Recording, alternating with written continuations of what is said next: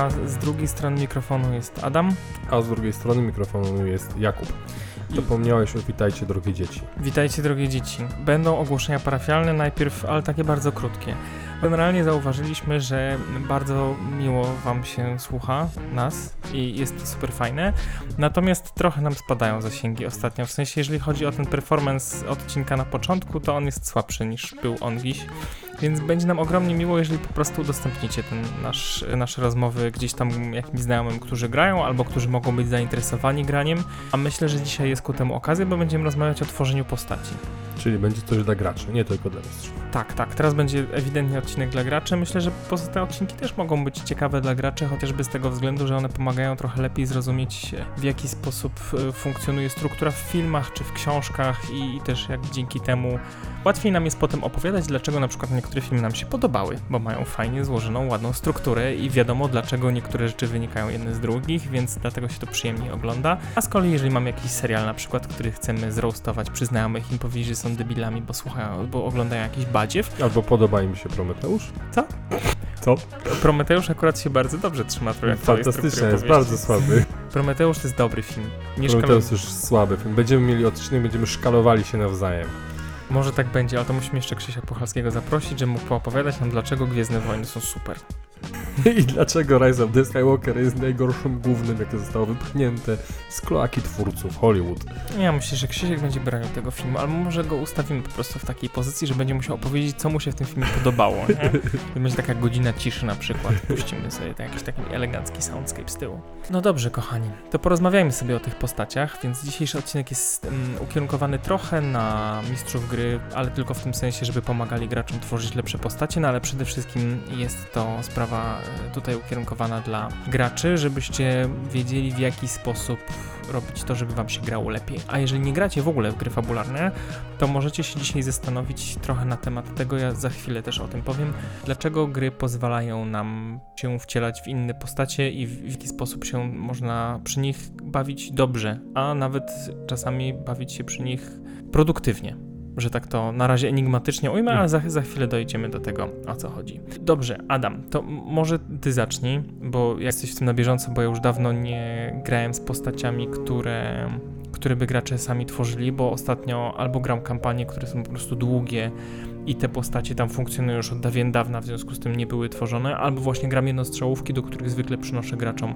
postacie do stołu jako takie wyzwanie pod tytułem dzisiaj wcielacie się w, te, w tych bohaterów, no i zobaczymy co, e, co z tym osiągniecie. Ale ty pozwalałeś ostatnio graczom tworzyć w opowieściach z pętli i w Altered Tak. Carbon. E, No nie, nie, nie, tylko w opowieściach. Altered Carbon, y, ja sam wymyśliłem postacie. To, to, to może inny, inny case. Na Talesach była dowolność, jako że podręcznik był y, też w wersji PDF. Wydrukowałem po prostu część y, dotyczącą tworzenia postaci, rozdałem to graczom. Nie nakierowywałem ich na żaden archetyp, żeby wybierali, żeby balansowali tą drużynę, aczkolwiek podzieliło się to dosyć naturalnie w jakiś taki sposób, że a skoro ty bierzesz taką postać i takie umiejętności, to ja pójdę coś troszkę innego i każdy jednak zbudował, że ta drużyna się sama wybalansowała. Nie brałem w tym udziału, nie sugerowałem nic, nie mówiłem, każdy to zrobił jak chciał. Obudowałem ich tylko troszkę backgroundem takim rodzinnym, bo miałem jakiś tam pomysł, który chciałem zrobić.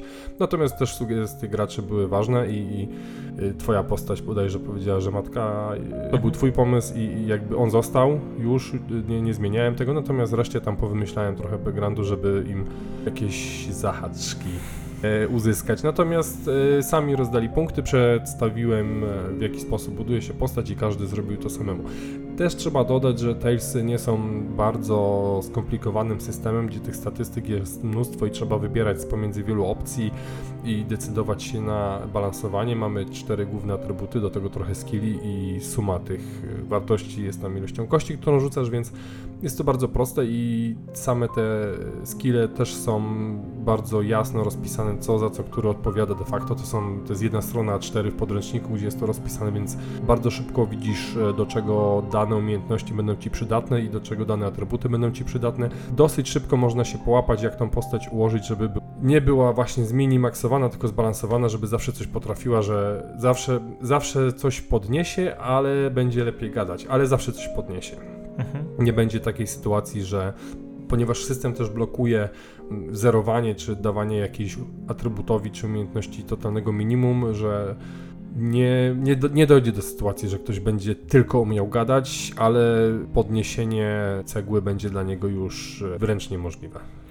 Czyli generalnie drużyna stworzyła, w sensie wszyscy gracze stworzyli drużynę e, razem na sesji. Tak, razem na sesji. Tak, tak. Nie było, nie, nie, nie robili samemu, tylko spotkaliśmy się razem i, wszyscy razem stworzyli te postacie. Mhm. Mi się zdarzało oczywiście pozwalać graczom tworzyć postacie na pierwszej sesji, przed rozpoczęciem tak naprawdę, tak jak na przykład robiliśmy do ostatnio do Masek na Liatotepa, czyli do kampanii w Cthulhu. Zdarzało się też tak, że wysyłałem po prostu graczom e, ankiety, które oni wypełniali trochę jak testy osobowości, w których mieli mhm. wskazać, w którym kierunku te ich postacie chcą, żeby były zbudowane, a ja na tej podstawie im uzupełniałem już statystyki, bo zależało mi na tym, żeby właśnie bardziej gracze się skupiali na tym, żeby zbudować swoją postać, a nie na tym, żeby, żeby przygotować statystyki. I zdarzało mi się też tak, że po prostu siadałem z każdym graczem, zatworzyliśmy każdą postać z osobna, jakby bez konsultowania się albo z, um, też z takim sugerowaniem, że wiesz co, ktoś tam już stworzył taką postać, więc może byś się zastanowił, czy nie chcesz iść w innym mhm. kierunku. No najczęściej przy legendach e, pięciu kręgów takie akcje były robione, bo tam po prostu tworzenie tej postaci zajmuje mnóstwo czasu. Natomiast zdarzało się sytuacje, że na przykład, wiesz, ktoś stwierdził, dobra, to ja chcę postać, która będzie ukierunkowana na pojedynki i druga osoba mówiła, ok, to są legendy, to ja chcę mieć postać ukierunkowaną na pojedynki, więc ja nie blokuję takich sytuacji, żeby te postacie były relatywnie podobne, natomiast chciałbym, żeby one się różniły jakimiś tam detalami muszę, muszę ci przerwać, bo cię okłamałem. Z tym Atred Carbon było nie do końca. E, tak jak powiedziałem, że ja zrobiłem, zrobiłem to co ty.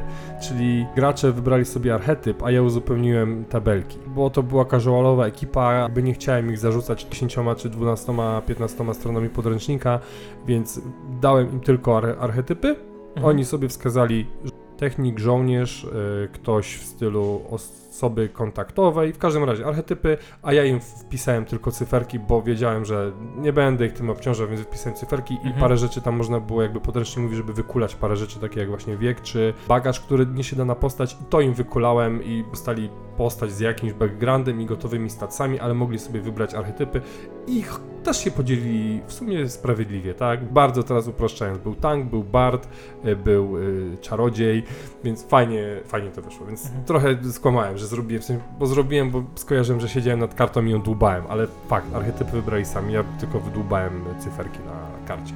Okej, okay, no dobrze, to może tutaj zaczynamy tracić niektórych naszych słuchaczy, zwłaszcza tych, którzy są świe zupełnie świe świeżynkami, jeżeli chodzi o podejście do gier fabularnych, więc może wyjaśnijmy parę rzeczy. Generalnie tworząc postać, tworzymy tak naprawdę dwie rzeczy, czyli historię postaci, to backstory, o którym rozmawialiśmy w pierwszym sezonie, przy okazji gdzieś tam naszych rozmów tutaj z Adamem i z Anią wtedy, z twoją małżonką a z drugiej strony też mamy statystyki, czyli ta postać i te statystyki gdzieś tam powinny się e, wzajem siebie uzupełniać. Natomiast jest takie zjawisko, o którym tutaj już wspomnieliśmy, czyli tak zwane min-maxowanie. E, to tutaj mój kolega Grzegorz jest mistrzem w tym aspekcie. Pozdrowienia tutaj dla, dla, dla Grzesia. Generalnie w minmaxowaniu chodzi o to, że budujemy postać. Takim najlepszym archetypem, jeżeli chodzi o minmaxowanie, jest tak zwany glass cannon, czyli szklane działo, nie? że postać, która zabija jednym szlagiem, ale generalnie sama jest wątlutka, czyli też od jednego szlaga ginie. I często gracze sobie wybierają jakiś archetyp i myślą sobie, dobra, to ja będę świetny w tą jedną rzecz i wszystkie możliwe staty pakuję w tamto. W sensie pozostałą resztę oleję, no bo potrzebuję gdzieś tych punktów, bo zwykle przy tworzeniu postaci mamy jakiś tam limit punktowy, żeby te postacie właśnie były mniej więcej zbalansowane i wszystkie miały podobny start. Tutaj warto też wspomnieć Vampira Mascaradę, tą pierwszą edycję, która wychodziła w Polsce bo tam w zależności od tego, jak postać została zbudowana, inny był system rozdysponowywania punktów przy budowaniu postaci, a inny przy punktach doświadczenia. To doprowadzało do sytuacji, w której, jak kiedyś wyliczyliśmy, maksymalna różnica wynosiła 98 punktów doświadczenia pomiędzy bohaterami zbudowanymi jakby z marszu mhm. na, na pierwszej sesji. 98 punktów doświadczenia, kiedy po sesji zostawiasz 5-6 punktów, no to to jest 20 sesji różnicy to jest, jakby ilość, której nigdy nie nadgonisz, nie? Tak.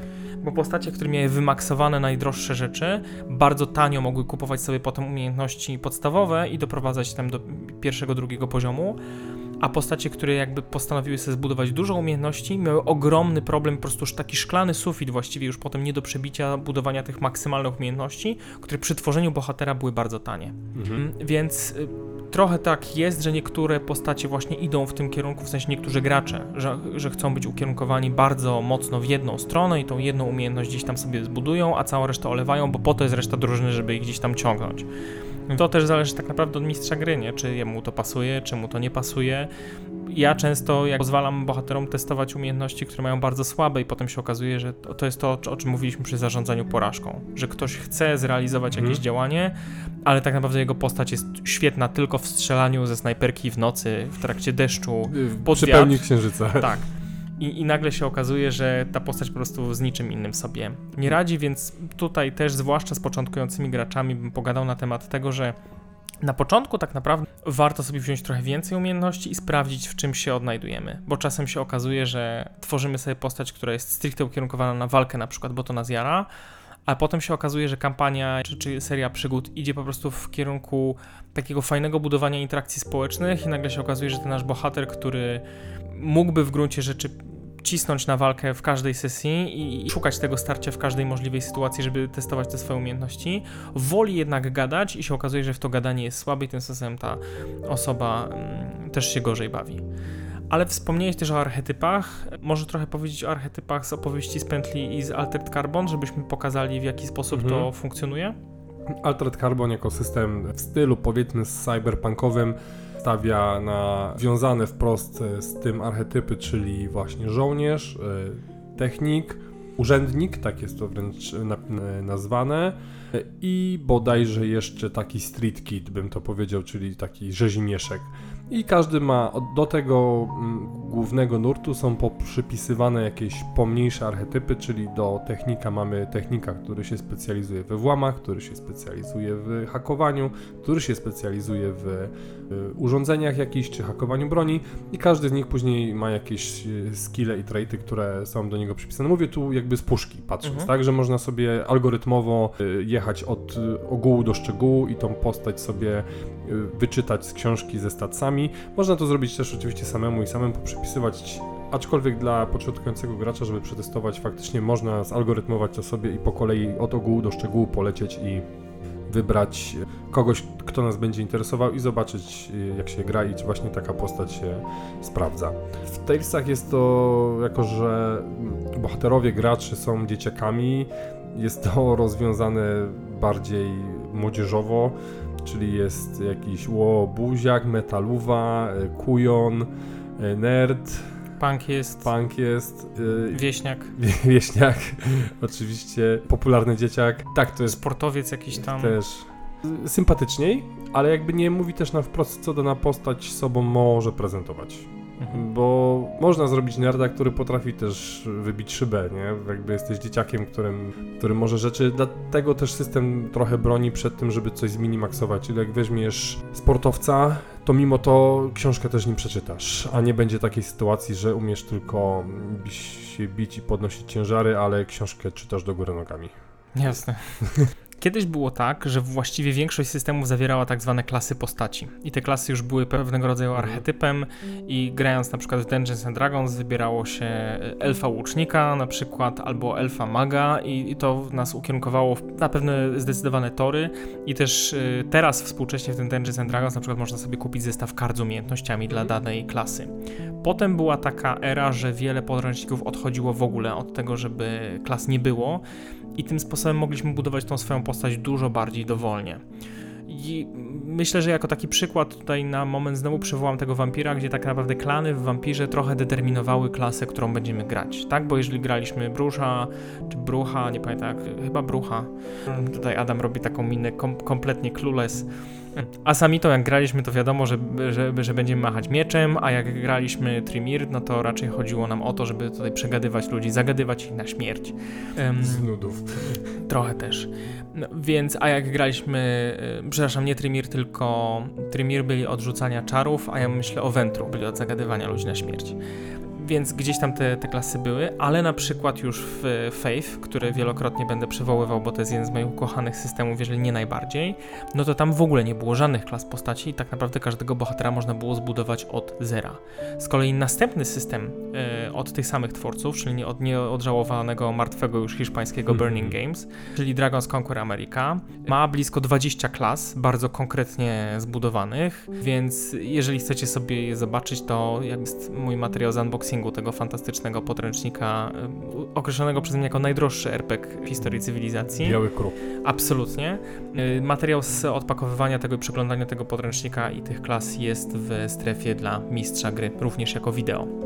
Ale dużo podręczników potem nie miało jakichś bardzo ukierunkowanych klas, a teraz znowu trochę się do tego wraca, ale właśnie w formacie takich archetypów, że można sobie tą postać zbudować od zera, ale można też się oprzeć o jakiś pewien archetyp, który ułatwia nam wejście w dany świat i ułatwia zrozumienie, czego, co właściwie ta nasza postać Czego się Będzie spodziewać, bo ciężko, jeżeli nie znasz systemu, nie znasz świata, nie znasz możliwości i nawet nie grałeś nigdy, w ciemno pójść i kupić jakieś, wybrać sobie traity czy wbić skille, żeby później się okazało, że jesteś absolutnie, źle się czujesz w tej postaci, po pierwsze, albo że twoje umiejętności, które wybrałeś są absolutnym kombosem, który nie umie się przydać w żadnej sytuacji. Taki archetyp na początek jest moim zdaniem super, bo jakby bierzesz postać nie do końca z puszki, coś tam masz, co, na coś masz wpływ, trochę się nakierunkujesz i zobaczysz, czy ci to w ogóle leży. Mhm. Coriolis na przykład ma coś takiego, gdzie można te postacie trochę tam sobie ukierunkować. Na przykład jest archetyp wiem, technika i tak jak mówisz właśnie, można być technikiem okrętowym, można być technikiem specjalizującym się w dronach, można być technikiem hakerem. W Shadowrunie też są te archetypy. Bardzo ciekawie są archetypy zrobione w systemie, który się nazywa Kult gdzie też są takie archetypy właśnie jak napadły artysta albo fałszywy celebryta. Trochę właśnie w nawiązaniu tutaj takim, takim możemy sobie puścić oko do tych opowieści z pętli, ale tak naprawdę już w dużo bardziej mm, dojrzałym klimacie.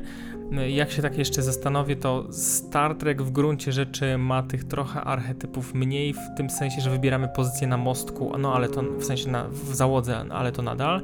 Ale na przykład już Dishonored, który jest, też jest oparty o 2D20, tak samo jak Star Trek, w ogóle tych archetypów nie ma. I tamtą postać możemy sobie zbudować już kompletnie dowolnie i zresztą uważam, że Dishonored, a potem e, Duna będąca ewolucją tej, tej, tego samego podejścia do mechaniki, gdzie podejście to słowo klucz, bo tam właśnie wybieramy nie umiejętności, tylko podejście, nie? Czy nasza Mhm. postać jakby bardziej podchodzi do spraw brutalnie, czy bardziej po cichu, czy bardziej subtelnie. I tym sposobem rzucamy na przykład na brutalną walkę, albo na subtelną walkę, ale rzucamy też na brutalną rozmowę, na przykład Mhm. zastraszanie, albo na subtelną rozmowę, czyli delikatne insynuacje. Mhm. Więc to też jest gdzieś tam jakimś takim ciekawym elementem, który sprzyja budowaniu tych postaci, ale cały czas ślizgamy się tak naprawdę po powierzchni, bo zaraz przejdziemy do pytania, które prowokowało całą tą rozmowę, ale chciałbym jeszcze powiedzieć o tym, o czym wspomniałeś, czyli o tak zwanej RPGowej ściemie, Mhm. czyli o umiejętnościach, które są na karcie postaci i pies z kulawą nogą nigdy na to nie rzuci. Tak. Chyba najlepszym przykładem tutaj będzie Zew Cthulhu. Och, tam jest takie multum tych umiejętności, które są tak bardzo sprofilowane, że, że aby padła sytuacja, w której jesteś w stanie wykorzystać tą konkretną cechę, to albo bardzo musi chcieć, żebyście wpadli dokładnie w taką sytuację, albo sam musisz wymusić taką sytuację. I, I tam to doprowadza do, do właśnie do takich scen, w których gracze idą w jakiś konkretny kierunek, bo na to mają umiejętności. I tam jeszcze te umiejętności są w skali od 0 do 100, więc poczucie rozwoju postaci jest strasznie słabe, bo w ogóle nie ma tego uczucia, że coś się udaje zbudować, bo często po prostu rzut decyduje o tym, że z danej sesji wychodzimy z niczym, z żadnym nowym skillem. Ale też jest dużo takich umiejętności, które w gruncie rzeczy się dublują, bo ktoś ma tam przeszukiwanie, a ktoś ma tam śledztwo. I jak Tak. Przeszukujesz skład, to go przeszukujesz z przeszukiwania, ale jak przeszukujesz kancelarię prawniczą, to ją przeszukujesz ze śledztwa. A jak obczajasz, jak są ustawione patrole, to chyba z obserwacji w ogóle to robisz, czyli jeszcze zupełnie inny skill. Wiele systemów to kombuje po prostu, w sensie łączy w jeden skill, który się na przykład nazywa obserwacja właśnie, Mm. albo, albo przeszukiwanie. I bez względu na to, którą z tych trzech wskazanych rzeczy chcesz zrobić, rzucasz na jedną rzecz, ale... Telisy takie są właśnie. Tak, ale, ale Zew Cthulhu, spostrzegawczość najczęściej Tak, to jest po tak. prostu, No, ale Zew Cthulhu niestety jest takim bardzo, bardzo oldschoolowym systemem, gdzie tych umiejętności jest do zabicia i większość z nich tak naprawdę się Ma ze 30 albo więcej. więcej ich 40 jest. może jest. No, Tam są. Cztery kolumny po kilkanaście Tak. albo dwadzieścia nawet umiejętności i jeszcze opcja na dopisanie swoich. gdzie jedną z tych umiejętności jest rusznikarstwo. Bardzo przydatny. Mieliśmy też postać, która miała w drużynie, która miała umiejętność budownictwo. I wybrała to ze świadomością, wbiła to sobie. I tutaj szok i niedowierzenie, bo y, scenariusz totalnie przewidywał w jednym momencie test na tę umiejętność. Tak, ale tam generalnie było więcej, no wiesz, tak naprawdę jeżeli e, przeszukujesz opuszczoną piramidę i e, możesz sobie rzucić na budownictwo, żeby zobaczyć, gdzie są ukryte przejścia w tej piramidzie, prawda? Albo hmm, ten dom, e, ten pokój wydaje się być mniejszy niż z zewnątrz, może jest tutaj ukryte przejście i ukryty pokój, dawaj na to budownictwo. Pod warunkiem, że najpierw wykulasz na spostrzegawczość, żeby określić, że faktycznie wiele zależy od tego, jaka jest litość mistrza gry i jak, jak duża jest ilość tej RPGowej ściemy właśnie.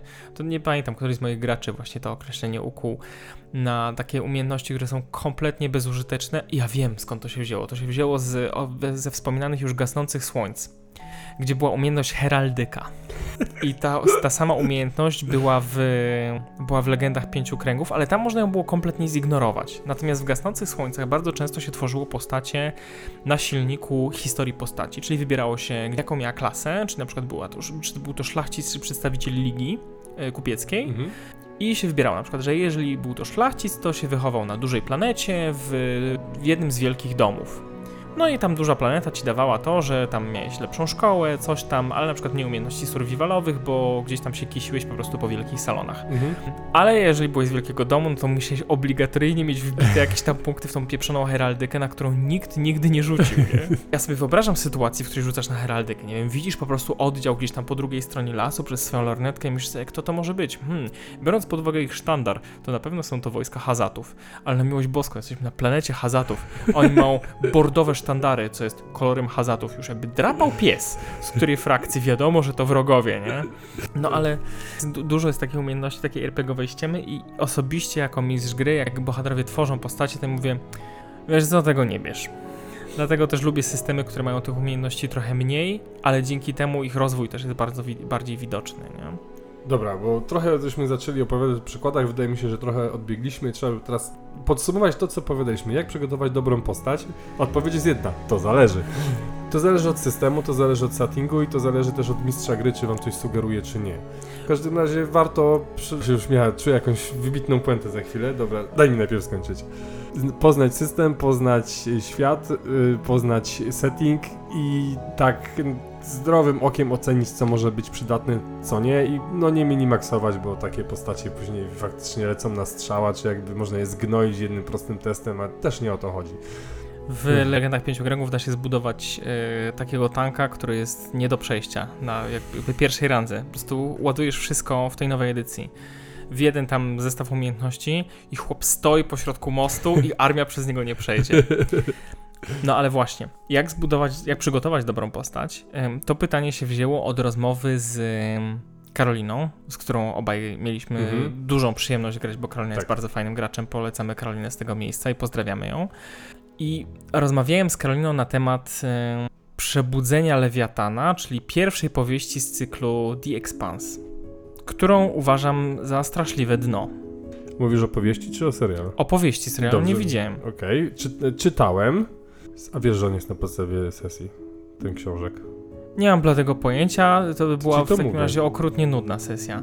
W sensie to była kampania i gość z tej kampanii zrobił książkę. Okej, no to pozdrawiamy tutaj tych graczy, ponieważ dzięki ich porażce w moich oczach m, dochodzimy do, do tej rozmowy tutaj, bo ja bardzo mocno skrytykowałem Mhm. po przebudzenie Lewiatana, tą właśnie pierwszą powieść w, w rozmowie z Karoliną i jechałem po prostu z góry na dół, że tam się nic nie dzieje, że w ogóle to jest katastrofa, że nuda jak diabli, ale najważniejszym problemem całej tej powieści są bohaterowie.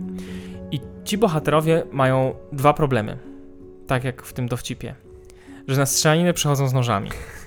To też, Mhm. ale najistotniejsze w tym wszystkim jest to, że po pierwsze, oni się nie rozwijają i tacy, jacy są na początku tej powieści, Mhm. dokładnie tacy sami są na koniec. Są tacy bardzo sztampowi, archetypowi, nie? że po prostu ten jest inżynierem mrukiem i nic tam nie powie, ta jest twardą babką i w sumie to jedyna przemiana jaka przechodzi, to przyznaje po prostu przed tym kapitanem, że, że trochę to jest z nim zabujane, a potem idą do łóżka, a on w sumie no, nie jest gotowy na tą rolę kapitana, ale ostatecznie zostaje kapitanem, ale potem nie jest gotowy na tą rolę kapitana i generalnie pozwala, żeby inni po prostu podejmowali za nich decyzje. No i właśnie, to jest drugi problem, że ci bohaterowie nie mają sprawczości. Oni tam nie podejmują żadnej decyzji. Oni wpadają po prostu w wir y, jakiegoś tam historycznego zamieszania i są obserwatorami tego, co się tam dzieje, ale w gruncie rzeczy, gdyby oni się tam nie pojawili, gdyby ich tam nie było, to wszystkie te wydarzenia by się wydarzyły może tydzień później, bo ktoś inny by to zrobił. No, no tak, ale w tym momencie byli, no to, że tam na początku by nadali ten sygnał, jakby strygerowało, to nie. Luke Skywalker. Czy Luke Skywalker jest postacią, która jest sprawcza? Jak diabli? No jest. No. Nic by się nie wydarzyło w tej cholernej sadze, gdyby Luke Skywalker się tam nie pojawił. Wszystko by się odbyło w The Expanse. Te badania by się tam odbi- odbyły, ten gnój, który się tam na tej stacji rozwinął, Mhm. ta szczelanina po prostu w kosmosie, która tam trwała i ten ty- tygodniowy pościg. Wszystko to by się tam wydarzyło, gdyby ich tam nie było. Po prostu byłby tam ktoś inny. Ale ponieważ Luke ma swoją historię, która jest zakorzeniona w całym tym świecie, mówimy teraz tylko o tych oryginalnych Gwiezdnych Wojnach, bo tylko one są dobre, tak po prawdzie, w sensie nie, To bez, nie jest bez, temat na ten odcinek. bezdyskusyjnie są dobre i nie budzą jakby zbyt wiele kontrowersji. On jest zakorzeniony w tym świecie w sposób taki i działa, porusza się w tym świecie taki i tam działa, że nic by się nie wydarzyło, gdyby to, co się wydarzyło, gdyby jego tam nie było. Jego konkretnie. To nie mogło być tak, że nie wiem, Han Solo nagle po prostu miałby gorszy dzień i postanowił jej zabić Vadera. Nic by się nie wydarzyło, gdyby nie Luke Skywalker, bo on tam był, on był predestynowany do tego, żeby to wszystko wykonać e, i on miał siłę sprawczą, żeby ten świat zmienić. I to jest najważniejsze z punktu widzenia opowieści dotyczące tego, co ma się dziać z bohaterem. Bo generalnie albo w, w toku opowieści, tak, mamy tą, tą Mhm. trzypunktową, trzyaktową strukturę, w której najpierw poznajemy świat, jaki tam jest, potem go wywracamy trochę do góry nogami, potem ci nasi bohaterowie wyruszają w metaforyczną albo mniej lub bardziej drogę, żeby odkryć tak naprawdę to, co y, to, to, czego potrzebują, a nie to, czego tylko chcieli. I w finale po prostu mierzą się e, z tymi wszystkimi przeszkodami, mniej lub bardziej ufizycznionymi, czy to jest walka realna, czy to jest walka tylko mentalna, czy próba charakteru, żeby dostać to, co tak naprawdę ich rozwija. Nie powiedzieliśmy wtedy o tej, w tej trzyaktowej strukturze, w tym materiale o tej trzyaktowej strukturze, że może być też tak, że świat się nie zmienia, w sensie, że bohater się nie zmienia, ale zmienia się świat. Że ten Mhm. bohater od samego początku jest jakąś tam konkretną osobą, bez zmazy i skazy na przykład. I przez tą jego niezachwianą postawę, że on nie przechodzi story arku, ale świat wokół niego, ze względu na to, że ten bohater tam wchodzi i działa, ten świat przechodzi ten story arc. Na przykład w mm, Krwawym Diamencie, teraz nie za, nie za dobrze pamiętam ten film, ale wydaje mi się, że możemy go tutaj użyć jako jakiś taki odległy przykład, który każdemu tam gdzieś dzwoni w kościele. Ci reporterzy, którzy tam się pojawiają, oni od samego początku mają jakąś tam cnotę, nazwijmy to. W sensie, że oni chcą zaprzestać tego handlu tymi krwawymi diamentami i przez to, że oni ujawniają cały ten proceder w tej opowieści, sprawia, że ten świat się wokół nich zmienia. Także o, oni nie przechodzą z arku, bo oni już są optymalną wersją siebie. No, dalej są dziennikarzami. Dalej są dziennikarzami, którzy są gotowi ujawniać prawdę. Ale świat dzięki nim się zmienia. I jeżeli na przykład mamy opowieść o grupie paladynów, którzy są turbocnotliwymi wyznawcami swego boga, już o tych paladynach gdzieś tam wspominaliśmy, nie? I oni zawsze będą turbocnotliwymi wyznawcami swojego Boga i przez to, że oni właśnie są tacy turbocnotliwi i są niezachwiani, bez zmazy i skazy, to cały świat, obserwując ich, ludzie, patrząc na to, jacy oni są bez zmazy i skazy, niezachwiani w swojej wierze, oni się zmienią na lepsze. W sensie na przykład podły tyran przestanie być podłym tyranem, ludzie przestaną się ze sobą mordować nawzajem, jakby... Bo wymordują ich paladyni, a palanowi obetną głowę. No właśnie. I tutaj jest problem, że te opowieści, które gdzieś tam toczymy, one bardzo często nie dotykają w ogóle rozwoju naszej postaci. I tutaj chciałbym e, właśnie rozpocząć ten rant, który gdzieś tam sobie przygotowałem wcześniej. Mianowicie, aż sięgam po notatkę, co już Adam tutaj wzdycha głęboko, bo wiesz, że Tego będzie, jeszcze nie grali. będzie katastrofa. Bo zacząłeś od ekspansji, jesteśmy na Gwiezdnych Wojnach. Okej, w ekspansie postacie ssają, to jest jakby puenta. Tak, a w Gwiezdnych Wojnach Nie jakby... ssają. Część też sa się, a istotne jest to, że są sprawcze. Mhm, Więc po dobra. pierwsze postacie muszą przechodzić jakiś story arc, to jest jedna z ważniejszych rzeczy, a po drugie postacie muszą mieć jakąś sprawczość. To, że postacie mają sprawczość, zależy tylko i wyłącznie od mistrza gry, tak naprawdę. Bo po pierwsze, mistrz gry musi tak przygotować scenariusz, żeby te postacie mogły być w nim sprawcze, a po drugie, żeby uzmysłowić graczom, że oni mają wpływ na to, co się dzieje. Mhm. Bo jeżeli mistrz gry pokaże świat, w którym gdzie się nie ruszysz, dostaniesz w dupę, tak zwany paradoks Cfela, nie? Gdzie się nie obrócisz, po prostu tam dostaniesz w dupę. Więc jeżeli mistrz gry pokaże taki świat, to ci bohaterowie mają takie, no dobra, no to płyniemy z prądem wydarzeń, bo i tak jakby Dajmy nie się porumakujemy się. Nie, nie, nie porumakujemy, nie? Jakby nic tutaj nie, nie, nie zrobimy mądrego. A jeżeli mistrz gry pokaże, że słuchajcie, to od was zależy, to w waszych rękach to, to jest, nie? Jeżeli ten MacGuffin tak zwany, czyli ten artefakt, instrument, jakieś tam narzędzie sprawcze, nie wiem, magiczna pula, która pozwala zmieniać losy wszechświata, jest w rękach graczy, jakby od jakiegoś tam etapu, a nie tylko na samym końcu dostajecie ją w rękę tylko po to, żeby odwrócić zły czar i ona w tym momencie pęka i, i koniec, tak? Tylko dajemy tym graczom autentycznie jakieś narzędzia. One nie muszą być fizyczne, w sensie to nie musi być tak wa- zwany właśnie MacGuffin, czyli jakiś tam instrument. Magiczne jajko. Tak, magiczne jajo. Tylko dajemy na przykład narzędzia narracyjne, stawiamy ich w miejscu, które jest też istotne, nie? Że na przykład to nie są kmioty z wypizdowa dolnego, tylko z Podlasia. tylko to są... Zaraz stracimy słuchaczy, tych, tych ostatnich dwóch słuchaczy na Podlasiu. To są ludzie, którzy... Ale nie będzie internetu, a my tylko w internecie jesteśmy. Jakby co, atakujcie Adama. To też prawda, jest tankiem. Jeżeli te postacie nie są gdzieś tam kmiotami, które nigdy się do tego, które się nigdy do tego cesarza nie zbliżą, żeby mu powiedzieć, ej cesarzu, jesteś, jesteś chujem po prostu, nie możesz tak zabijać tych ludzi, po prostu tych swoich poddanych. My tutaj przyszliśmy, żeby cię przekonać, tudzież zabić. Ale generalnie mamy tą siłę sprawczą, że nie tylko stoimy tutaj i znosimy dzielnie szczały pierdliwego losu, ale też mamy opcję odwrócić to wszystko i zmienić ten świat wokół nas. To, to jest bardzo ważne. Brzmi jak mieszkaniec Podlasia, który idzie do wójta. Dajmy tą opcję konfrontacji z tym wójtem. Jak walajmy w takim razie postacią, żeby one znalazły gdzieś tam sprawczość. Ale ta sprawczość, którą daje mi z gry, jest stricte związana z tym, dlaczego w ogóle gracze mają tej sprawczości oczekiwać. Zaraz wrócę klamrą do tej sprawczości, ale najpierw chciałbym się odwołać do jednej rzeczy, którą ostatnio bardzo mądrze e, się zapoznałem z. Wchodzi notatka. Otóż, e, oglądałem sobie materiał na temat e, pisania scenariuszy do filmów i on jest bardzo istotny z punktu widzenia tego, co chcę powiedzieć w zakresie tego, jak stworzyć dobrą postać. Otóż ten materiał dotyczył książki pani Carol Pearson, która się nazywa Hero Within. I można ją kupić też po polsku i nazywa się e, Bohater w każdym z nas, czy nasz wewnętrzny bohater, jakoś tak. Generalnie kosztuje jakieś kuriozalne pieniądze mm, bo nie było w ogóle wznowienia. A to jest książka, która jest, uwaga, samopomocowa. To jest taka książka, że masz sobie ją przeczytać, jak ci Mhm. smutno w życiu i ona ci pozwoli się rozwinąć wewnętrznie. Ona jest oparta o jakieś tam jungowskie archetypy wzięte z psychologii, mądre tutaj terminy teraz się będą sypać? Nie. Będziemy mówić o tych terminach, które są generalnie ważne z punktu widzenia tego, jak są budowane też archetypy w grach fabularnych.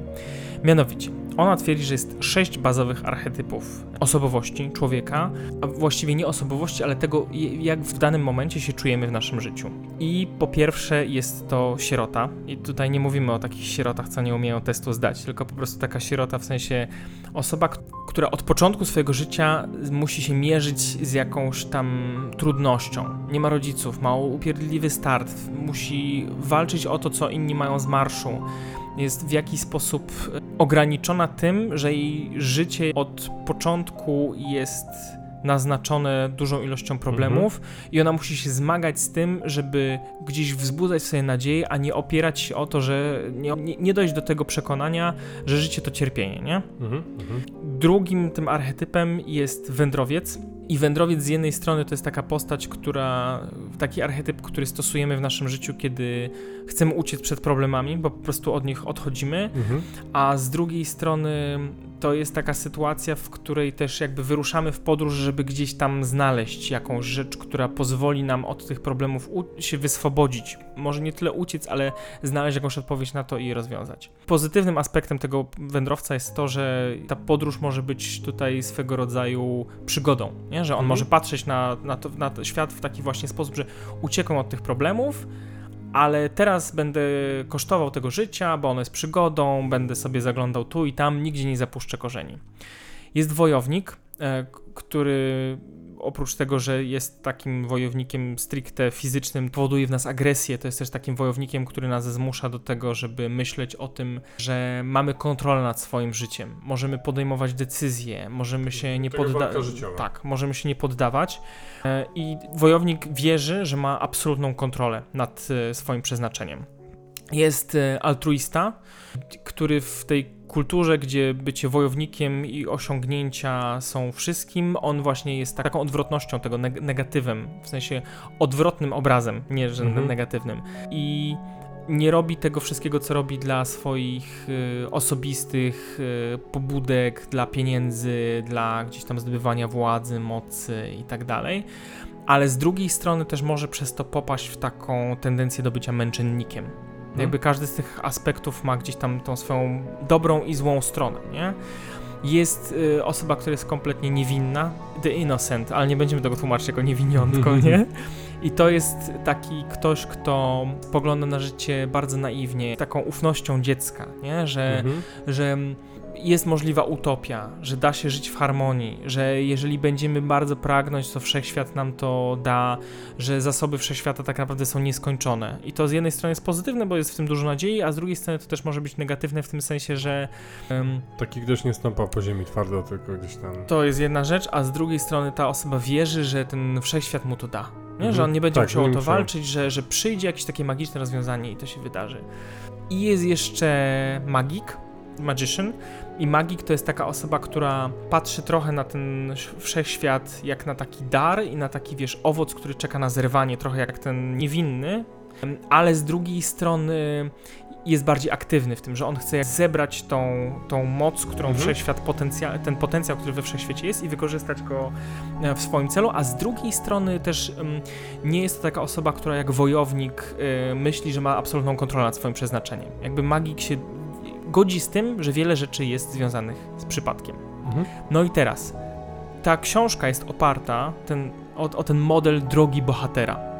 Droga bohatera to jest jeden z takich systemów budowania story arków, bardzo stary, w sensie antycznym nawet rzekł. I, I na pewno gdzieś tam o niej też zrobimy osobny materiał, bo to jest równie ważne, tak po prawdzie, jak ta struktura e, trzyaktowa. I w pierwszym akcie ten nasz bohater najczęściej jest e, swego rodzaju sierotą. Jest w jakiś sposób skrzywdzony, mierzy się z czymś i tak dalej. Em, I często też w życiu się tak czujemy. Więc ten nasz y, bohater wewnętrzny, bo to też ta książka jest y, oparta o tą drogę bohatera, to co wspomniałem, ale tam jest bardzo dużo przykładów, które człowiek, który to czyta właśnie w ramach samopomocy, Mhm. bo taka jest idea tej książki, może odnieść na przykładach literackich i filmowych do siebie. No i ona jest tam z końca lat 90., więc dużo takich popkulturowych przykładów tam jest, że y, możesz się teraz czuć w życiu jak sierota, tak jak na przykład wspomniany już Luke bohater. Skywalker, Tak. albo Harry Potter, najlepszy tutaj przykład. I w Twoim celem jest teraz rozpoczęcie tej podróży, czyli wejście do tego aktu drugiego, zmienienie tego wszystkiego, co się wokół ciebie, się, ciebie dzieje. I zwykle w akcie drugim bohater staje się z tej sieroty podróżnikiem, a ostatecznie wojownikiem. I ten akt trzeci, w którym dochodzimy do tego prawdziwego zrozumienia i starcie ze swoimi autentycznymi problemami, rozpoczynamy jako wojownik, ale dobrze, jeżeli na koniec go skończymy jako altruista, nie jako męczennik Mhm. ten negatywny aspekt altruista, ale jako prawdziwy altruista. I generalnie rzecz ujmując, takie historie, w których ten bohater przechodzi przez te cztery najpopro- najpowszechniejsze archetypy, czyli sierota, podróżnik, Wojownik. altruista, one są dla nas najciekawsze, jeżeli chodzi o oglądanie tego. No zobaczmy, Harry Potter. No tak, jakby jasne. Luke Skywalker też, nie? Na koniec staje się takim oświeconym mistrzem, który tam przybywa z jednej strony, żeby rozwiązać Generałem konflikt. bodajże zostaje tam. No, jasne, rozumiem. Ale mam na myśli tą scenę, kiedy on przybywa już jakby do Darta Vadera, żeby z nim porozmawiać yy, jak z ojcem, a nie jak z wrogiem. Mhm. Bo on jak teraz Tak, już nie jest wojownikiem, tylko jest altruistą. tak jest, chce te, tego ocalenia, nie? I zdaję sobie sprawę z tego, że dla wielu, wielu osób, także dla moich przyjaciół, z którymi bardzo często gram, gry fabularne są ważnym aspektem tego eskapizmu, którego w życiu szukamy. Że chcemy odejść od tego, co nas uwiera, co nas boli. Jesteśmy szeregowym pracownikiem jakiejś tam wielkiej korporacji. Nikt o nas na co dzień nie pamięta, jakby poza naszym szefem, który wysyła maile, że KPI nie są zrealizowane i deadline'y palą dubska i macha nad nami biczem w tych mailach, które generalnie ignorujemy, bo nasza praca i tak nie ma więcej sensu.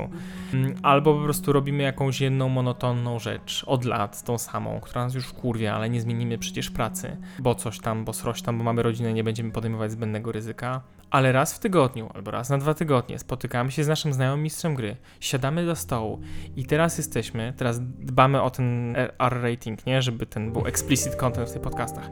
I jesteśmy napierdalatorem, rozkurwiatorem i dzisiaj będziemy podrzynać gardła. I ja w niego wbijam z tym moim dwuręcznym mieczem i smagam po prostu go, przecinam go w pół jak kurwa kiełbasę, nie? Na grillu. Ja, teraz... krytyk, kroisz gościa na pół. Tak jest. Walę do dziwki z lasera. Gin szmato, nie? Czujemy się po prostu jak bohaterowie, bo wchodzimy na te schody pałacu, żeby zabić cesarza i to jesteśmy my. To nasza wielka siła sprawcza w tym wszystkim.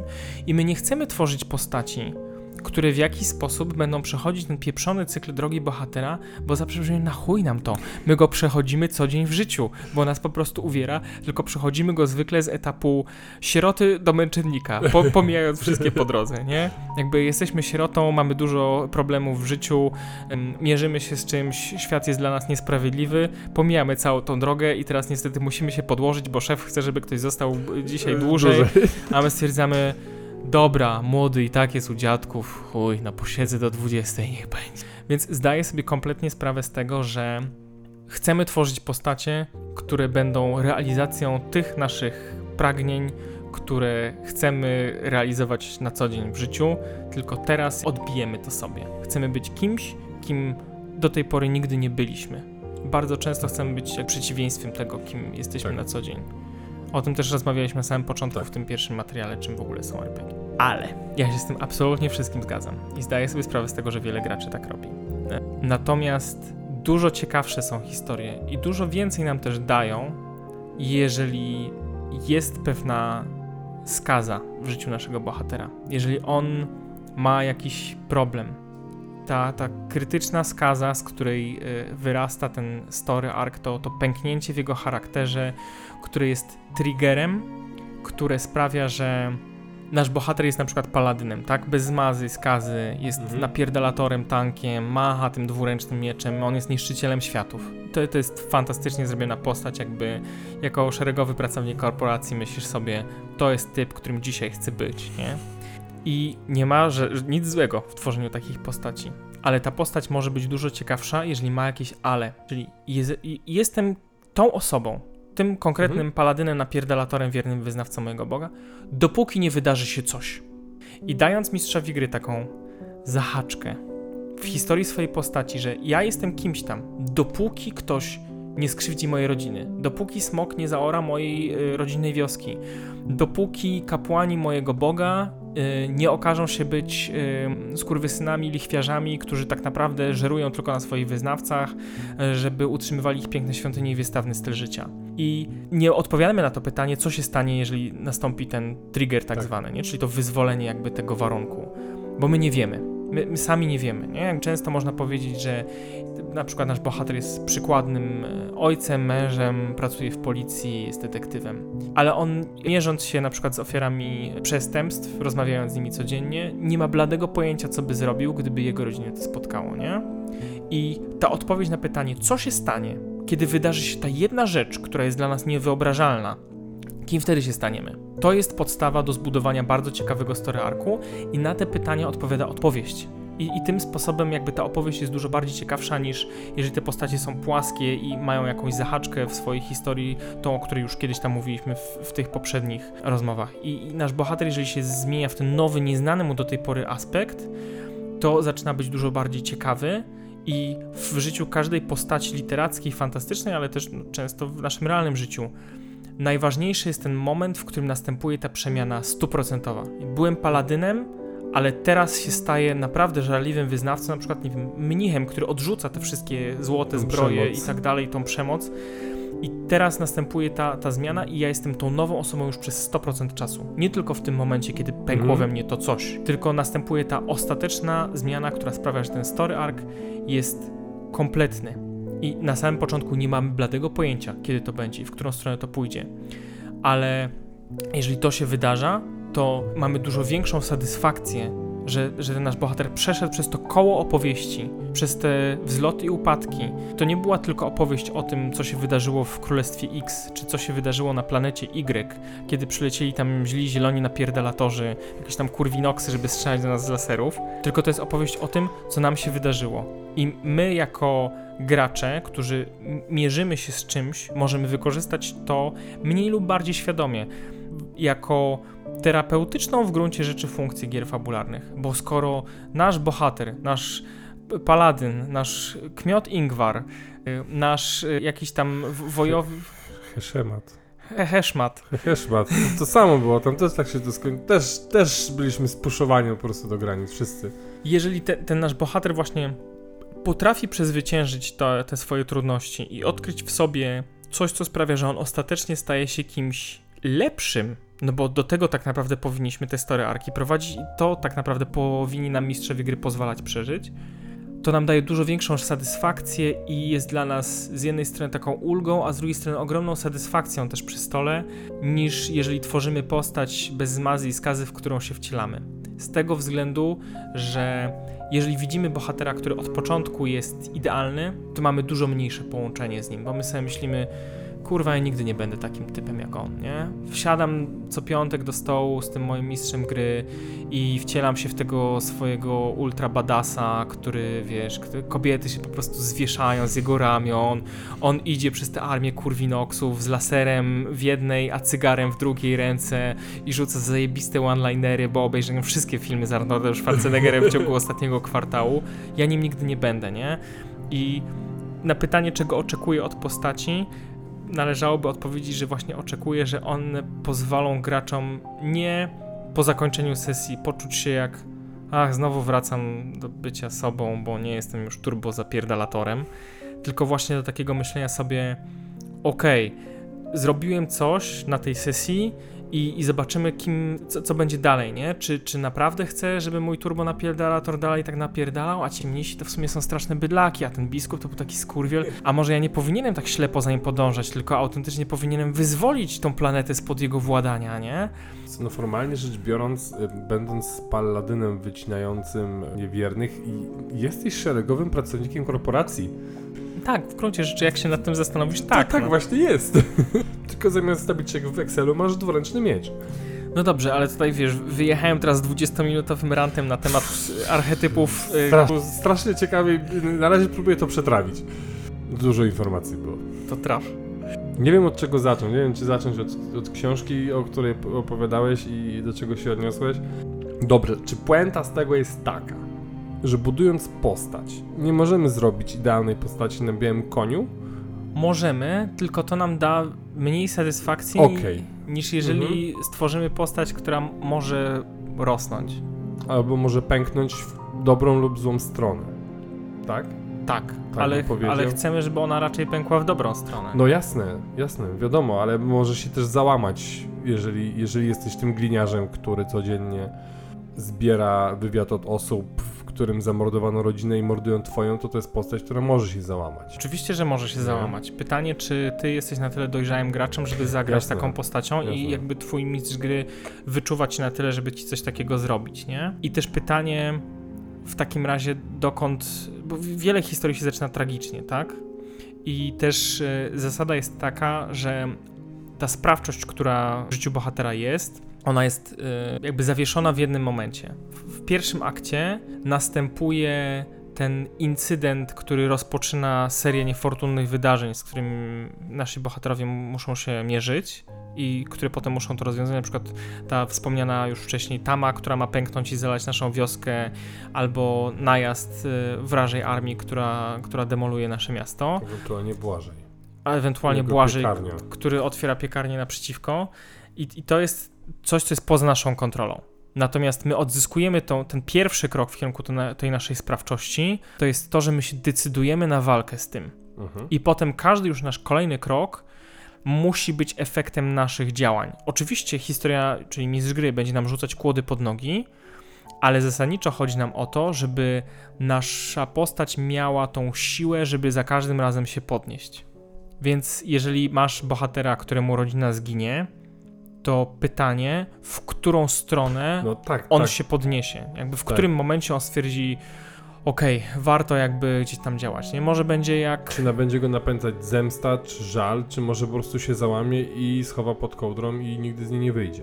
A niech go napędza zemsta i żal na początku. Ale najważniejsze, żeby na koniec go napędzała sprawiedliwość. Mhm. Czyli wojo, mamy wojownika, który przejdzie w tego altruistę, jak? tak? Czyli dorwie winnych, ale nie, dos, nie pośle im kulki w łeb, tylko zaciągnie ich przed oblicze sprawiedliwości. Gladiator. Fantastyczny film. Fantastyczne. Zgadzamy się. Zgadzamy się O co do... 100%. Zgadzamy się o filmie Ridleya Scotta, że jest fantastyczny. A? W filmie, nie w filmach. Tak, ale przynajmniej jeden mamy. Jak się nazywał Gladiator? Maximus? Mhm, Maximus Decimus. Tak.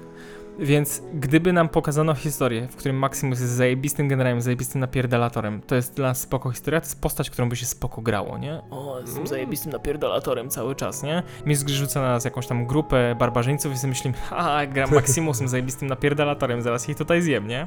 Maximusa na początku napędza to poczucie goryczy, że został zdradzony, ta porażka, że mu zabito rodzinę. On jest załamany Mhm. kompletnie, ale staje do walki, bo to jest jedyna rzecz, którą on umie. Na samym początku, nie? Tak. Jakby to, że on potrafi walczyć, to jest jedyna rzecz, która mu została. Ale on buduje to swoje poczucie misji, że on przez tą walkę pokaże i zainspiruje tych ludzi, wszystkich, którzy na niego patrzą. I nagle te jego występy na arenie przestają być tylko walką i stają się elementem jego buntu i manifestu przeciwko temu, y, czego on nie chce w tym, w tym Tak, cesarstwie. no, przeciwko tutaj Cezarowi, nie? tak. Podburzeniem nie jest to tylko rozrywka ku gawiedzi tłumu, ale też e, jakby striggerowanie tego tłumu Mhm. do działania. Czyli nasz detektyw, który, bo rzuciłeś teraz bardzo Tak, trudny przykład, Tak, nie? no. Bo, bo to jest, za, sam go zacząłeś. więc nasz detektyw, który mierzy się z tymi rodzinami, które doznały straty, No to jest Max Payne. na przykład, tak. I on może, jeżeli myślimy na przykład o, o dłuższej historii, którą będziemy grać takim bohaterem, no to on może faktycznie stać się taką latarnią sprawiedliwości w skorumpowanym świecie. Nie? Jeżeli mistrz gry miałby tutaj dać szansę na to, żeby pokazać, że ta postać ma, ma jakąś możliwość wzrośnięcia i odbudowania się i stania się kimś mocniejszym, to byłoby to w kontekście takim, że na przykład cały jego wydział jest skorumpowany, że na przykład okazuje się, że nie wiem, część morderstw popełnia syn gubernatora, który po prostu jest psychotyczny i gubernator stwierdza, dobra, to ja go zamknę w domu, nie? A ten nasz bohater stwierdza, nie, kurwa, nie, ma być sprawiedliwość, nie? I choćby to go kosztowało karierę, wyrzucenie z policji i tak dalej, i tak dalej, on wróci do tego wszystkiego, żeby udowodnić, kto tak naprawdę był winny, nie? Ale- Jakby przyjmie kulkę za swojego kolegę, mimo że wcześniej był na przykład cyniczny i jakby chciał robić tylko bare minimum. Dobra, ale to mówisz o jakimś, wiesz, heroic move, przemianie, o, o, o tym synie gubernatora, ale to od naszego gracza będzie zależało, co zrobi. Ty go możesz, możesz mu pokazać opcję, ale to, o, to on musi podnieść, bo nie możesz go na siłę ściągnąć do tego, żeby, wiesz... I teraz nagle się okazuje, że cały posterunek jest Mhm. e, skorumpowany i teraz się nagle okazuje, że to syn gubernatora robi. Jeżeli gracz stwierdzi, dobra, a teraz po prostu znajdę tych gnojów i ich rozpierdolę, tak jakby też musisz dać mu taką opcję. Nie możesz go zepchnąć tylko na to, żeby on po tej załamce poszedł w he heroic move i jak szuka sprawiedliwości, tylko on może się stoczyć na samo dno i stać się takim samym gnojem jak gnoje, których szukał. Może, ale jak to świadczy o tym graczu? Jeżeli gracz chciał De- przeżyć No, gracz ucieka, tak? Robi to, czego nie zrobiłby na co dzień. Jeżeli na co dzień jest e, lawful good, to nagle stwierdza, dobra, nie? A teraz po prostu wjeżdżam w ten półświatek i tak jak chodził i przepytywał dealerów, tak teraz idzie i obcina im palce, nie? on nadal poszukuje sprawiedliwości w tej historii. Ale swojej i wypaczonej i nie jest lepszy od tych, którzy popełnili to morderstwo. Ale zobacz, ostatecznie i tak gra fabularna gdzieś tam moralnie u nas za- zatriumfuje, bo na żywo mamy szansę się stoczyć w alkohol i narkotyki, a jeżeli jako gracz stwierdzimy, dobra, to mój max się stacza w alkohol Mhm. i narkotyki, szybko się zorientuje, że taka sesja jest nudna. Że on No, no. zacznie, zacznie Dobra, się rozumiem. sam dla dobra tej fabuły Wy, wygrzebywać stąd. wyciągać, wyciągać. No. I w tym kontekście gra może nam pokazać, że lepiej jest tak naprawdę iść do góry niż, niż podążać yy, ku dnie. Można oczywiście przez moment gdzieś tam pozwolić, żeby ta, to się wszystko wykoliło i to jest element jakby wszystkich tych historii, Mhm. tej całej struktury trzyaktowej, to też jest wa ważne. Ale to, o czym wspomnieliśmy, mistrz gry powinien, jakby to jest jego obowiązek tak naprawdę zasrany, za przeproszeniem, dać bohaterom szansę na to, żeby zabłyszczeć. Żeby się odkupili. Tak, jakby mistrz gry nie jest po to, żeby opowiedzieć historię, a teraz was upierdolę do spodu, po prostu Ale to nie jest upierdolenie do spodu, jakby... Słuchaj, no, a zda- zdarzył ci się taki gracz, który jakby wrzuciłeś go w gówno, a on zamiast się z niego wygrzebywać, to zaczął płynąć w głąb. Tak, ale to y, nigdy nie było trwałe. Czyli zawsze jednak, od, kiedy, kiedy zrobiło się za głęboko i za gęsto i zachłysnął się gównem, to jednak stwierdził, kurde, żygać mi się chce, ale mogę to zrobić dopiero na powierzchni. To prawda. Chociaż w życiu nie zawsze tak robimy. No, oczywiście. I dlatego ta książka samopomocowa jest brana pod uwagę jako przykład przy opowieściach, które ostatecznie mają być w jakiś sposób dla nas inspirujące. I to myślę, że z mojej perspektywy jest ostatni ważny aspekt, który bym tutaj chciał poruszyć, bo cały czas wracam do tego, że jeżeli nie mamy akurat nastroju na Dungeon Crawler, czyli na takie, że idziemy do lożku, I tutaj kulamy, wyskakujemy- kulamy do przodu kuleczką i łoimy. No. tak, tutaj są goblinki, tutaj znaleźliście miecz plus jeden, ciul, ciul, ciul, to zabijemy teraz ogra, nie, i tak dalej. To jest dungeon crawling, więc jeżeli nie mamy klimatu na dun- dungeon crawling, który może tak naprawdę nam dostarczyć dzisiaj wiele po prostu gier planszowych zamiast gier fabularnych, to te gry fabularne powinny być o czymś. I to jest to, o czym rozmawialiśmy wielokrotnie gdzieś tam z, za kulisami, też poza tymi rozmowami. Ale to cały czas w naszych rozmowach się przywija. Jakby to nie pada hasło ani razu o kulkograniu takim. Jakby cały czas to, co przekazujemy w tych wszystkich rozmowach, to jest udowodnienie, że to nie ma być kulkogranie. No. True story. I musimy się zastanowić nad tym, co tak naprawdę my, jako mistrz gry, chcemy tą historią przekazać. Musimy też zobaczyć, jakie postacie nasi gracze chcą stworzyć i umożliwić im potem te ich heroic moves. A z kolei, jako gracze, możemy raz na jakiś czas usiąść i się zastanowić, co właściwie chce osiągnąć w życiu mój bohater. Bo bardzo często to jest gdzieś tam napisane, nie- jakby to, to są te rozdziały, które ignorujemy. Jak tworzymy postać, to mamy zawsze, dobra, jak się kula na staty, nie? Jak się No, no, staty no, no. robi, a potem jest tak, wiesz, jak twój bohater wygląda, jakie ma manieryzmy, opowiedz trochę jego historię, co by powiedział e, sobie, gdyby mógł się cofnąć i porozmawiać ze swoim pięcioletnim ja. W chuju to mamy, nie? Jakby to już robi, robi. Robiliśmy to 20 lat temu, wyjebane, teraz wiesz, teraz dawaj pierwszego moba, nie? Tłuczemy, nie? Albo dobra, dawaj tą historię, nie? Kto umarł? Kto, kto umarł? Kogo trzeba znaleźć? I olewamy te rozdziały, a tak naprawdę jakbyśmy sobie odpowiedzieli na to jedno pytanie. Gdzie mój bohater ma tą krytyczną skazę, która pęknie i sprawi, że on będzie musiał stać się kimś innym, kimś lepszym, generalnie rzecz ujmując, no to wtedy te nasze... I, i pokażemy to mistrzowi gry. Słuchaj, stworzyłem detektywa, stworzyłem paladyna i ja myślę, że on się boi tego, że on by sobie z tym nie poradził. Mm? Kurde, głupia sprawa, ale ostatnio mnie Kuba W., nasz e, serdeczny Mhm. przyjaciel, namówił do tego, żebym się zagłębił w e, herezję Horusa, czyli powieść z uniwersum Warhammera 40 tysięcy i oczywiście jest ogrom wad, o których mogę powiedzieć, ale jest na samym początku w ogóle tej historii i tam jest motyw, myślę sobie, ja pierdykam te ultramaryny, nie? To jest właśnie taka homoerotyczna fantazja o męskiej sile, nie? Po prostu będzie szedł ten koleś, 3 metry wzrostu, 4 serca, zrośnięte żebra, że były wewnętrznym pancerzem, co akurat jest bzdurą, bo wtedy się nie da oddychać.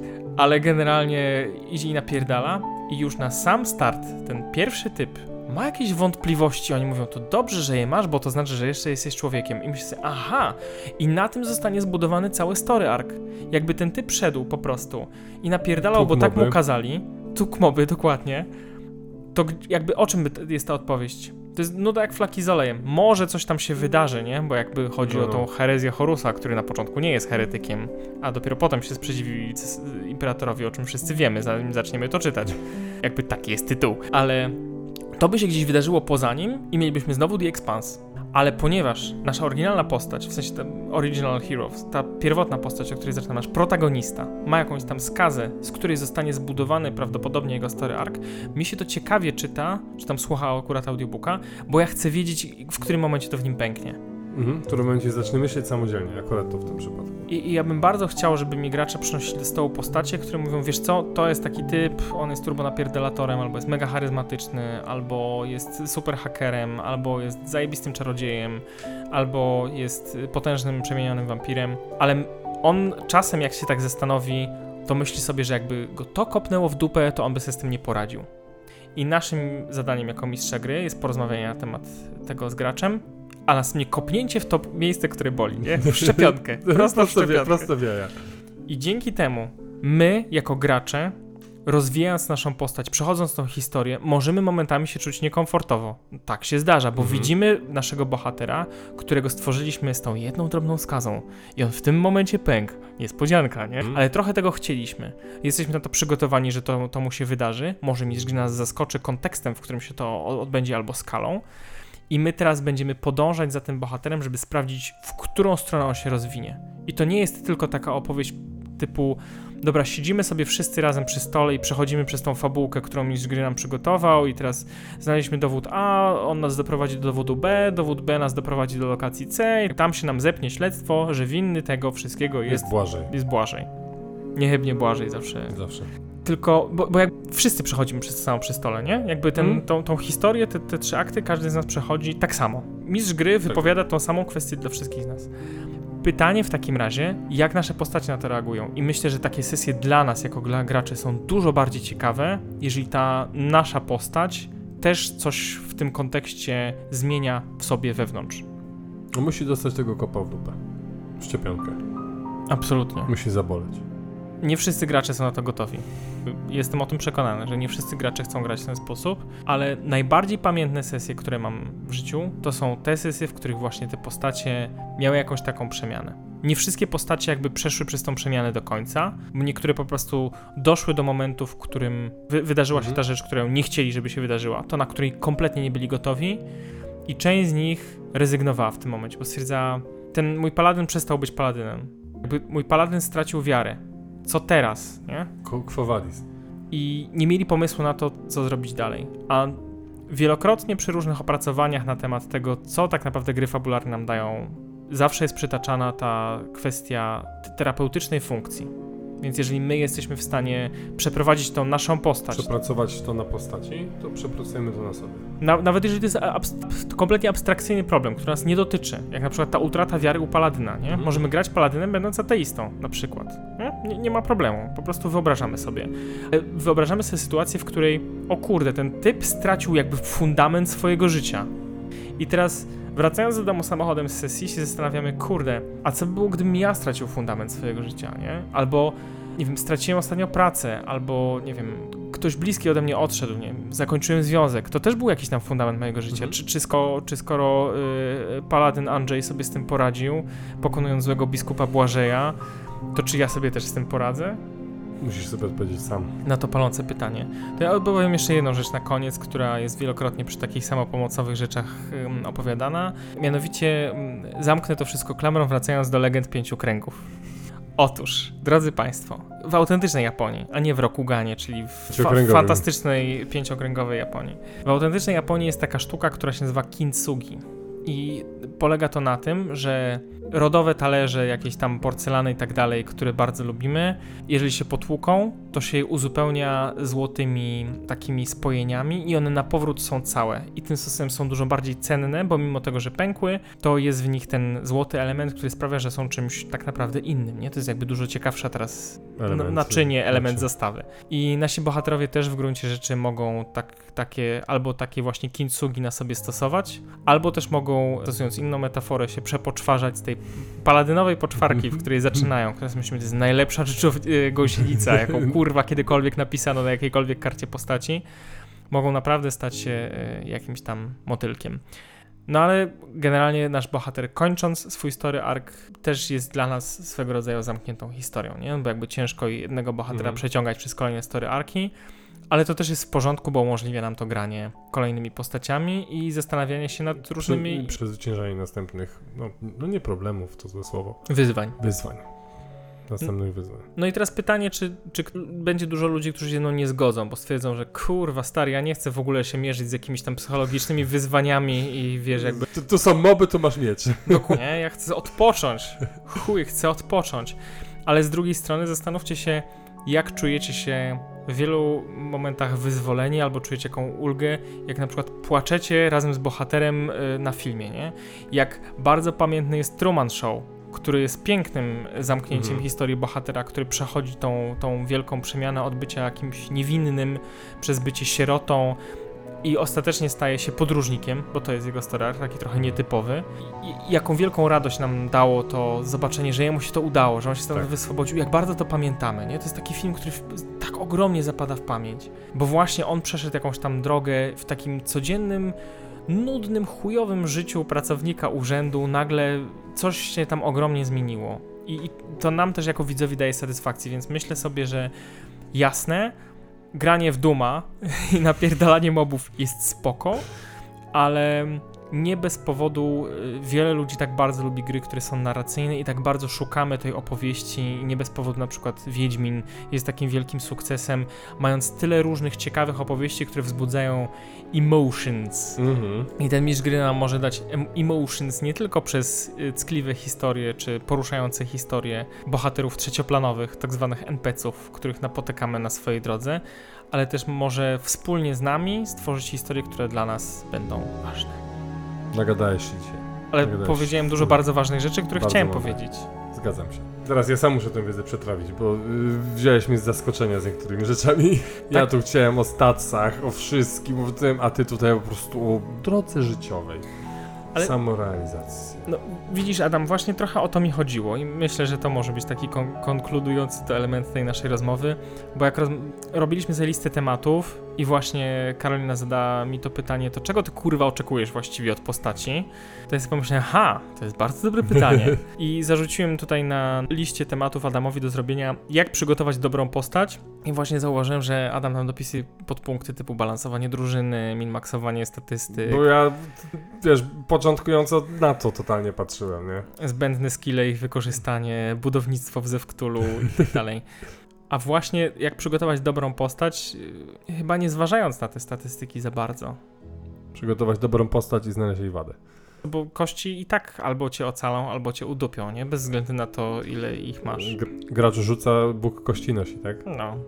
I, i tutaj róż, różne niesamowite rzeczy się, się dzieją, ale wydaje mi się, że zwłaszcza dla, może nie zwłaszcza, ale z jednej strony dla weteranów RPGowego grania to może być takie dość świeże spojrzenie na temat tego, że jeżeli gramy od lat tymi archetypowymi postaciami i, i po prostu gramy postaciami według konceptu, nie? Typu nigdy nie grałem y, najemnikiem, który stracił swoją armię, jest gorzki i cyniczny i teraz będzie wobec wszystkich opryskliwy. Teraz stworzę taką postać, bo zawsze gram miłymi supportami, a teraz zagram napierdalatorem.